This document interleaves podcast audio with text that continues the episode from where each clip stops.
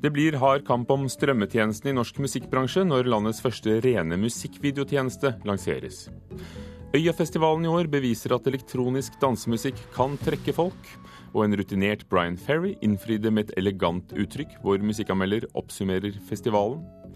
Vi anmelder Per Gynt i versjonen der han opptrer på Skavlan på Nationaltheatret, og hører om den store etterspørselen etter bøkene fra NRK-kommentator Arne Skeies samling.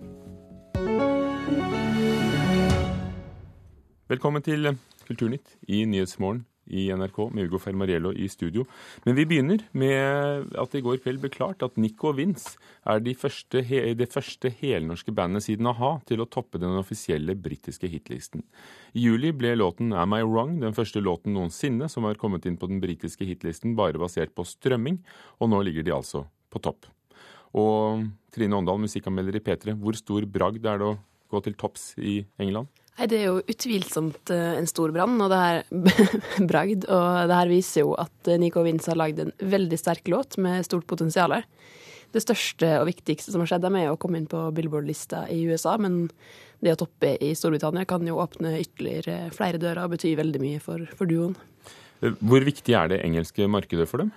Eh, nei, det er jo veldig stort og innflytelsesrikt. Det kan bety en ytterligere posisjonering, det betyr mer inntekter, mer forbindelser. Og det viser jo bare igjen at de har funnet noe unikt og, og laget en veldig bra låt. Um, de har vært på topp fem i USA i hele sommer. De har kommet inn på iTunes-listen.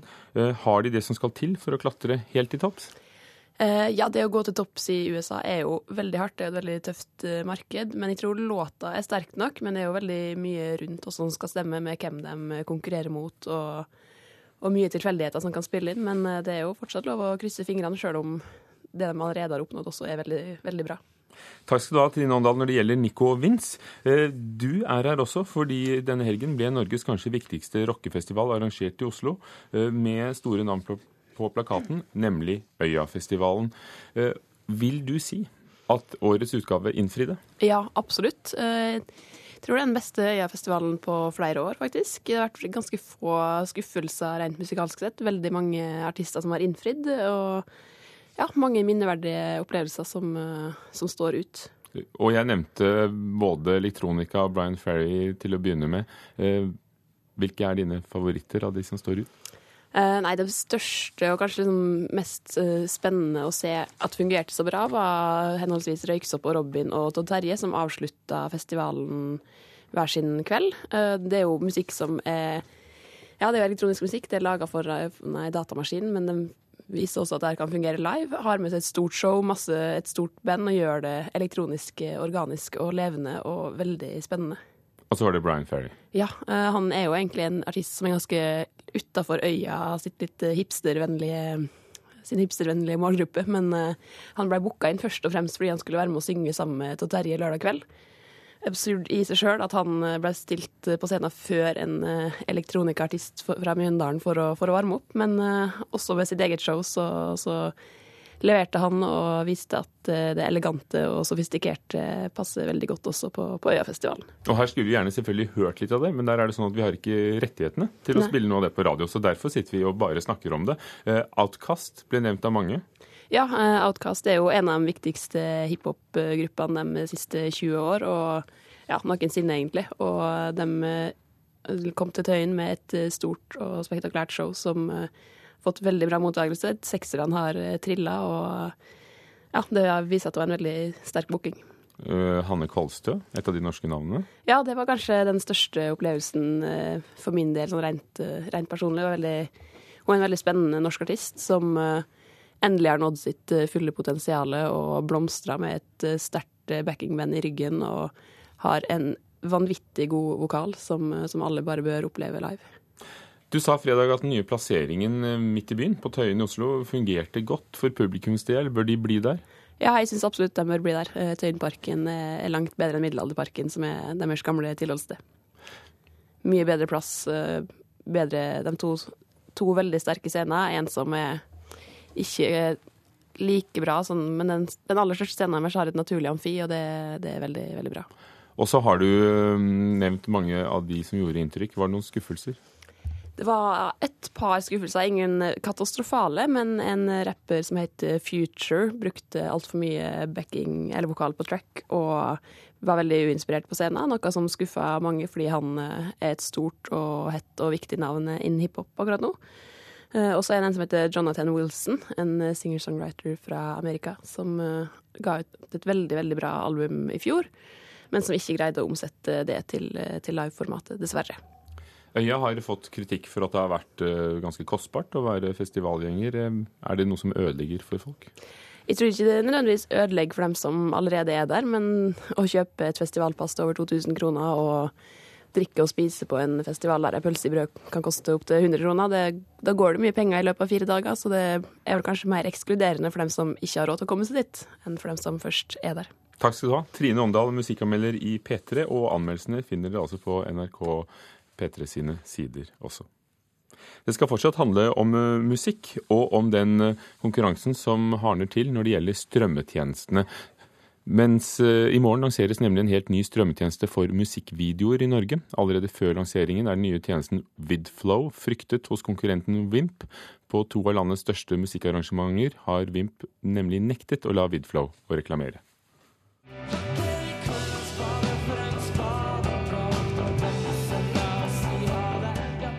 Det norske bandet Kråkesølv spilte forrige uke på det norske musikkarrangementet Øyafestivalen. Her skulle etter planen også to norske strømmetjenester, en ny og en gammel kjenning, annonsere og reklamere for produktene sine. Men kort tid før festivalen ble avviklet, satt Øyas sponsor og samarbeidspartner Wimp ned foten. De tillot ikke at den nye musikkvideotjenesten Vidflow skulle bruke Øyafestivalen til å lansere produktet sitt. Dermed måtte Øya avslutte samarbeidet med Vidflow. Problemet her føler vi er jo det at vi leverer jo en annen type tjeneste enn Vimp. Vi leverer ikke det samme produktet. Ja, vi er innenfor musikk, men vi fokuserer på video. De fokuserer på lyd. Sier Shire Stamnes. Sammen med kompisen Nassir Ashur lanserer de i morgen musikkvideostrømmetjenesten Vidflow. Med verdens største musikkvideobibliotek kaller de seg for musikkvideoens Spotify, med et ønske om å gjenreise musikkvideoens gullalder.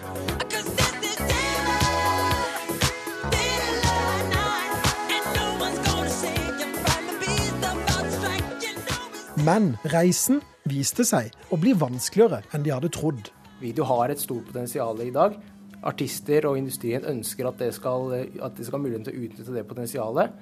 Og eh, når man da jobber imot det, så uh, føler vi da at man, man, man, holder ned laget kun for egen vinning. Sier medgründer Ashur. Det er sikkert plass til, til flere tjenester i, i, et land som Norge, men det er ikke sånn at vi kan samarbeide med alle, som, eh, og særlig ikke når aktører ser hverandre som potensielle konkurrenter i framtida, f.eks. Sier pressesjef på Øyafestivalen Jonas Prangerød. Vimp satt også ned foten tidligere i år, da musikkarrangementet Bylarm ønsket å samarbeide med Vidflow. Markedssjef på Bylarm Peter Eikeland forteller at de var usikre på om hvorvidt Vidflow var konkurrenter med Vimp, fordi de leverte strømmetjenester innenfor to ulike sjangre. De valgte likevel å avslutte samarbeidet med Vidflow en uke før festivalen startet, fordi de allerede hadde en kontraktfestet avtale med Vimp. Konsekvensen blir jo at vi når eh, færre potensielle brukere, færre potensielle investorer, som kan bidra til å gi liv til en sånn type tjeneste. Og eh, i eh, verste fall så vil jo konsekvensen være at både selskap og tjeneste går under, da, og Eh, industrien, artistene og eh, fansen blir frarøvet muligheten til å, til å få denne digitale musikkvideoplattformen sa til slutt gründer Nasir Ashur til reporter Christian Ingebretsen. Og Vimp kom før sommeren med en egen videokanal som foreløpig er tilgjengelig på enkelte nettbrett og smarttelefoner. Direktør i Vimp, Andy Chen, skriver i en e-post til NRK at de har vært i dialog med Vidflow, men at de av forretningsmessige grunner ikke vil ha en annen musikkaktør som, som reklamerer når de har betalt for å være hovedsponsor ved både Bylarm og Øyafestivalen. Daniel Norgård, musikkforsker ved Universitetet i Agder og Agderforskning. Vil du si at det er rom for enda en musikkbasert strømmetjeneste i, Norge, denne gangen med videoer? Uh, generelt så er det nok uh, mer enn nok plass til, til flere digitale strømtjenester. Uh, og jeg tror å ha økt konkurranse er bare positivt for, for de aller fleste. når det er sagt, så tenker jeg at det at Vimp ikke ønsker å ha en, eh, en, mulig konkurrent eller en potensiell konkurrent inn på et marked som de har betalt eller betaler et sponsorarbeid for, så er jo det relativt normalt i, eh, i festivalbransjen. Altså hvis du har konkurrerende merkevarer og du har betalt for en tilstedeværelse. Så akkurat det tror jeg ikke er så veldig dramatisk eller uvanlig. Mm. Uh, men, men, hvordan tror du denne konkurransen vil se ut når den nye tjenesten er i gang? Jeg tror det kommer veldig an på hvilke publikum og hvilken type bruk Vidflow uh, altså henvender seg mot. da. Uh, si, de er nok ikke en direkte konkurrent til det som er grunn, grunnbruken til, til, Vimp eller Spotify, fordi at da er det snakk om å lytte til musikk først og fremst, og ikke å se musikkvideoer. Jeg tipper hovedkonkurrenten til Vidflow må jo være YouTube eller Vimeo eller noen av de andre plattformene som, som viser uh, først og fremst musikkvideoer. da. Vidflow lanseres i morgen, men du har allerede prøvd ut tjenesten litt. Hva syns du? Jeg syns det er en veldig pen. Veldig pent design og veldig, veldig fine bilder. Og, og gøy å, å, navigere rundt det. Uh, så det er jo Fant du det du lette etter? Uh, delvis. jeg, fant, uh, jeg, fant, ikke Carpe Diem, f.eks. Det stusser jeg veldig på. Så, så, jeg tenker at bruken, altså tjenestens bruk og popularitet kommer til å begrense seg på ut ifra hvor, altså, hvor mye av biblioteket og katalogen publikum finner når de leter. Gründerne sier at med Vidflow så vil de gjenreise musikkvideoens gullalder. Ja. Tror du de vil klare det? Ja, Det spørs. Eh, det er sikkert mange som har forska masse på, eh, på videoens, altså musikkvideoens gullalder og forhold til MTV. Og jeg ja, for det, det, er det vi tenker på da? Da MTV begynte å sende dem for ja. alle og enhver? Jeg, jeg, vil tippe at det er vanskelig å, å klare å distansere, eller klare å separere ut hva som handler om musikkvideoformat, og hva som faktisk handler om MTV som kanal og som brand og som en ungdomsprofil, kan du si. Så, så gullalderen til, til, musikkvideoen er ikke nødvendigvis kun videoen, men MTV på den tida. Akkurat der og da. Uh, og så kan du si det at uh, musikkvideo kanskje har en gullalder uh, gjennom sånn som YouTube, fordi at det er et så stort konsum på det. Kjempesvært konsum av musikkvideoer. lovlig og ulovlig. Det er bare det at det blir ikke Det gir ikke penger i like stor grad som, som MTV ville gjort. For det er spørsmålet hvordan klarer du å forhandle rettighetene til å tilby en sånn tjeneste der alt er med? Det er jo veldig vanskelig, og det har jo egentlig hele overgangen til digitaliseringa vist at uh, det å forhandle rettigheter for musikk er vrient uh, og kostbart. Uh, kostnadskrevende. så den, den, biten der vil jeg tippe at det blir like vanskelig for, for Vidflow. De har jo tydelig gjort et godt stykke arbeid som de har såpass mange rettigheter som de har. Men det, det, arbeidet vil jo bli like vanskelig for de som for de fleste andre. Takk skal du ha, Daniel Norgård, musikkforsker ved Universitetet i Agder og ved Agderforskning. 16 minutter over åtte dører på Nyhetsmorgen i NRK. Toppsaken i dag. Det er stor fare for at det kan løsne is fra Nigardsbreen igjen. Det sier breforsker Atle Nesje. I går omkom et tysk ektepar ved denne breen i Sogn og Fjordane. Utenlandske yrkessjåfører i Norge får ned mot 5000 kroner i månedslønn. Allmenngjøring av lønnsavtalene vil rette opp dette, mener Yrkestrafikkforbundet. For første gang på to uker møter i dag partene i lærerstreiken hverandre til formelle samtaler. 5500 lærere tas ut i streik fra i dag. Vi skal til Iran i Kulturnytt. I Iran velger mange unge filmskapere og regissører å vise filmene sine i private hjem og klubber. Siden alle som viser og diskuterer film offentlig må ha tillatelse fra Kulturdepartementet, foretrekker mange å gjøre det i det skjulte. I den første av tre reportasjer fra Iran besøker reporter Saman Bakhtiari fra kulturredaksjonen i Sveriges Radio nettopp en privat filmvising hjemme hos et ung filmskaper.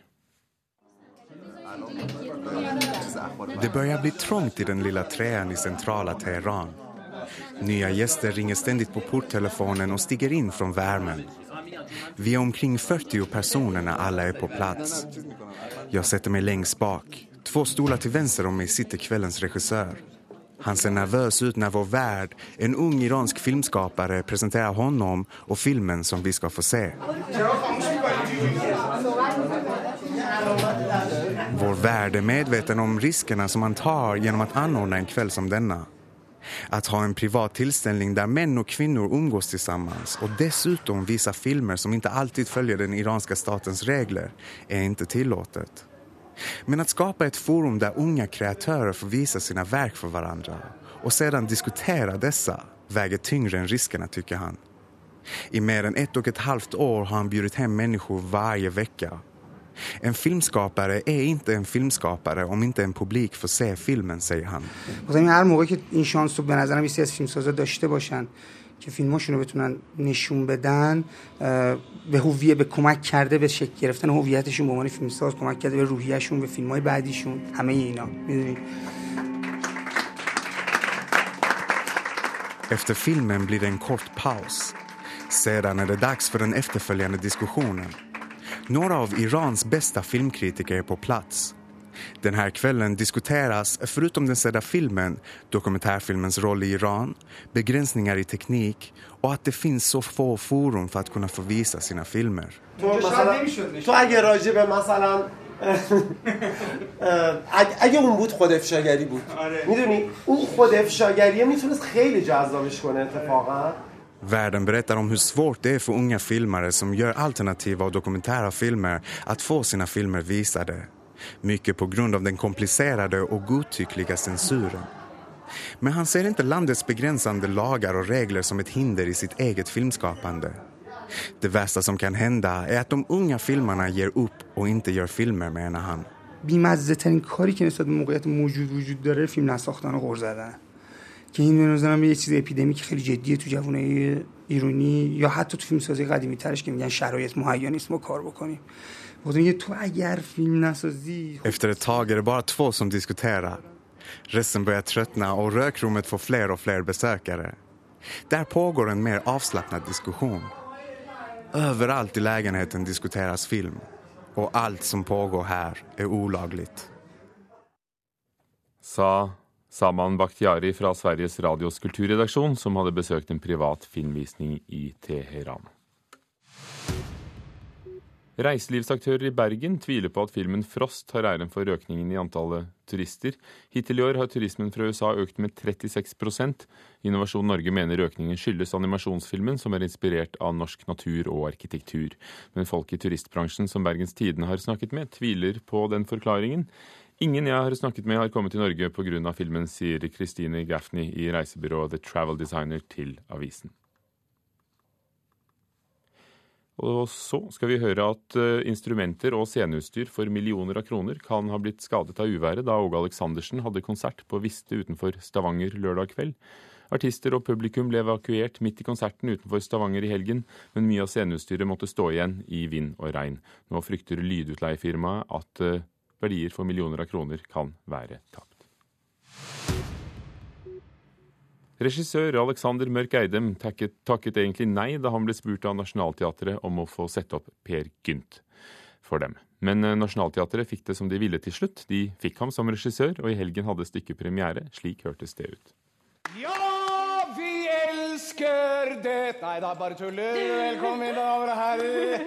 Er man skapt i nytelse, så skal man nyte. Ja, du er en supervert, Per Gynt. Ja, jeg deler æren med min mynt.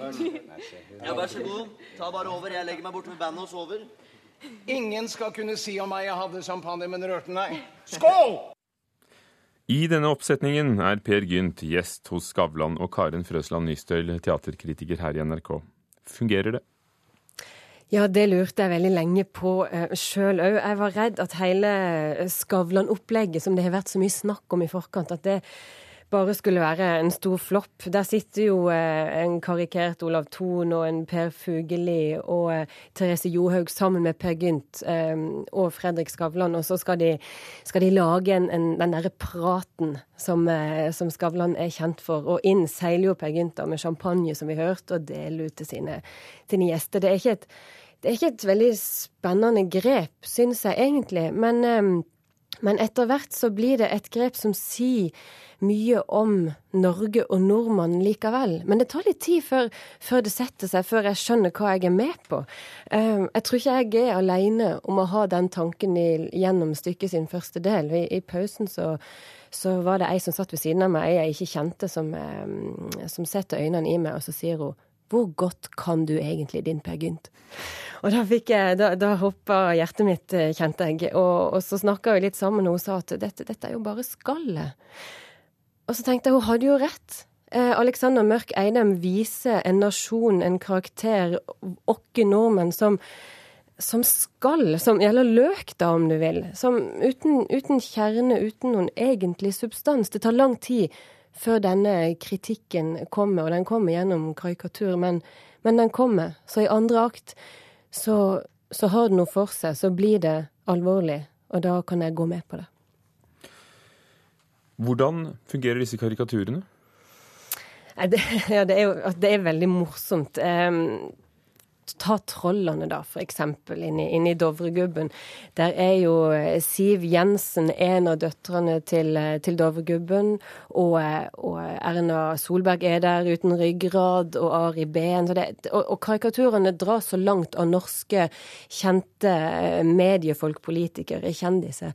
Men det er først når Per Gynt um, når, når forestillinga viser mangel på medmenneskelighet. Når Per Gynt ikke vil hjelpe noen som virkelig er i nød, et menneske som er i ferd med å dø, et menneske som er i ferd med å ta livet av seg. Det er da, det er da jeg syns at Alexander Mørk Eidem stikker kniven inn, og så vrir han den rundt, og så gjør det faktisk vondt. Det tar tid, men jeg syns det faktisk rammer. Hvordan, hvilke virkemidler bruker Alexander Mørk Eidem på scenen? Eh, I tillegg til karikaturen så gjør han det stort og, og maksimalistisk og fargerikt. Her blinker det i gull og glitter og lys, og Skavlan-studioet er der hele tida, selv om det deles opp og flyttes på. Det sprenges en bombe, det, det store veggmaleriet. Det, det, er stort, og det er, det er sånn, no, et norsk landskap i evig fest, men, men, denne festen går ikke til slutt likevel. Vi, vi, vi faller. Solveig er blitt til Shamso, som også er musiker og da kveldens artist på denne øh, utgaven av Skavlan. En jente med innvandrerbakgrunn. Hvordan passer det inn? Shamso passer kjempefint inn. Hun er en motsetning som Solveig skal være. Eh, den, øh, den trofastheten, den oppofrelsen hun står for, den verdsettes ikke noe sted. Men eh, Solveig er òg en karakter som ikke er så godt utarbeidet hos Ibsen. Og det gjør Alexander Mørk Eidem noe med. Hva han gjør, det vil jeg ikke si. Det får man nesten se sjøl. Jeg kan ikke røpe det. Endride Eidsvoll spiller Per Gynt. Hva slags Per er han? Full av energi, full av livslyst, eh, full av drifte. Han, eh, Endride Eidsvoll gjør en veldig fin Per Gynt. Den er verdt å se. Men når du tenker deg om, hva har denne forestillingen av Per Gynt gitt deg? Den har jo lurt meg på med hvor godt jeg kan min Per Gynt. Det er det første. Og det andre er at eh, jeg syns det er interessant at disse store grepene og karikerte grepene og, og, blinkende lys og gull og glitter kan si meg noe om hvor små eh, vi, nordmenn, vår nasjon, kan ses på som utenfra. Takk skal du ha. Karin Frøsa Nystøl, som har sett Per Gynt på Nationaltheatret. Bokbyen i Tvedestrand har fått henvendelser fra hele landet av folk som vil kjøpe bøker fra Arne Skeies samling. Før helgen overtok Bokbyen nesten 1000 bøker fra NRK-veteranen, og det er særlig de eldre sportsbøkene folk vil ha, forteller prosjektleder Jan Kløvstad. Ja, det har dukka opp eh, spørsmål fra Ibestad i Troms og på Romerike, Oslo. Altså en 15-20 fra Agderfylka. Det er tydeligvis at, eh, at, folk har lagt merke til det, ja. Så det, vi gleder oss over alle som vil lese gode bøker. Selveste Frans Beckenbauer. Det er Frans Beckenbauer, det. Ja. Oi, oi, oi. oi. Torsdag fortalte NRK om Arne Skeies sjenerøse bokgave, som var så omfattende at han ble hentet med tilhenger av Bokbyen hjemme hos sportsnestoren i Oslo. Skeie har samlet bøker hele livet, og viser frem noen av godbitene han vil overlate til andre bl.a. sportsbøker fra 70-tallet. Var det noe foran en tippekamp jeg var ute etter, et godt poeng, så fant jeg bestandig det her i Football Facts. Og hvis andre interesserte i Norge har lyst til å lese disse bøkene, så er det ikke noe som er bedre enn det. Spørsmål her fra Bjørnar Johansen. Og etter at nyheten ble sluppet, har Bokbyen altså hatt en strøm av henvendelser fra folk i hele landet som vil se eller kjøpe deler av samlingen, særlig de eldre sportsbøkene. Men foreløpig vil ingen av disse bli solgt, men brukt i en egen utstilling kalt Arnes corner. Men det er ikke bare sportsbøker Arne Skeie har gitt, men også mange andre typer bøker som vil bli solgt. Nå, nå var jo dette fantastiske lasset var jo masse god skjønnlitteratur. Masse god lyrikk og interessant sakprosa. Så det legger vi ut i hyllene i alle, alle butikkene. Og så lager vi et eget Arnes hjørne, eller Arnes corner. Og det tror jeg vi skal la stå urørt en god stund. Sånn at folk kan komme og se på det og tenke litt og sånt. Og så får vi sette i gang salget på en, på en dato. Men der må vi ha litt interndemokrati, sånn at vi finner ut når vi gjør det. Det er ikke første mølla, altså? Det hadde vært fristende, men jeg, jeg tror faktisk det, det, det, er så mange som vil kose seg og, og, få mange gode minner med å se gjennom de hyllene som vi etter hvert uh, fyller opp med det her. At den, den gleda vil vi gjerne unne folk. En omfattende jobb å tømme en hel tilhenger med Arne Skeies bøker. Og noen få heldige besøkende i Bokbyen, deriblant Karin Lie, ble en av de første som fikk ta en titt på bøkene. Det er 2007 i Sapporo. Ja, nei, Det syns jeg er fantastisk. Jeg syns det er kjempe at de har fått tak i de. Er det noe du kunne tenkt deg å bla i? Eh, ikke jeg, men jeg har jo barnebarn som kan tenke seg å bla i det. Så det er eh, absolutt litt aktuelt. Nei, Vi så det på TV i går og syntes det var veldig, veldig moro å se. Og om ikke 1000 bøker var nok, så ville trolig komme enda flere bøker fra fotballnestoren, sier Kløvstad. Her kommer det meg, ja. Så det, vi bare gleder oss. Har han sagt uh, hvor mye det blir til, eller? Det tror jeg ikke han vet. Jeg tror rett og slett at han, uh, han, må tenke på hver eneste bok han tar ut av hylla. Skal jeg ta den, skal jeg ikke ta den? Jeg, jeg tror han uh, Det er ikke lett for han, dette her. Jan Kløvstad til reporter Erik Vik Andersen. Vi tar med at actionskuespiller og musiker Steven Seagal i helgen holdt en blueskonsert for de prorussiske separatistene på Krimhalvøya i Ukraina. Seagal har fått mye kritikk for sin støtte til Russlands annektering av Krim, og ble nylig nektet å spille i Estland. Seagal sier selv at han har reist til Krim for å forene mennesker gjennom musikk. Det var Kulturnytt ved teknisk ansvarlig Hilde Tosterud, produsent Espen Alnes og programleder Ugo Fermariello. Klokken er straks halv ni.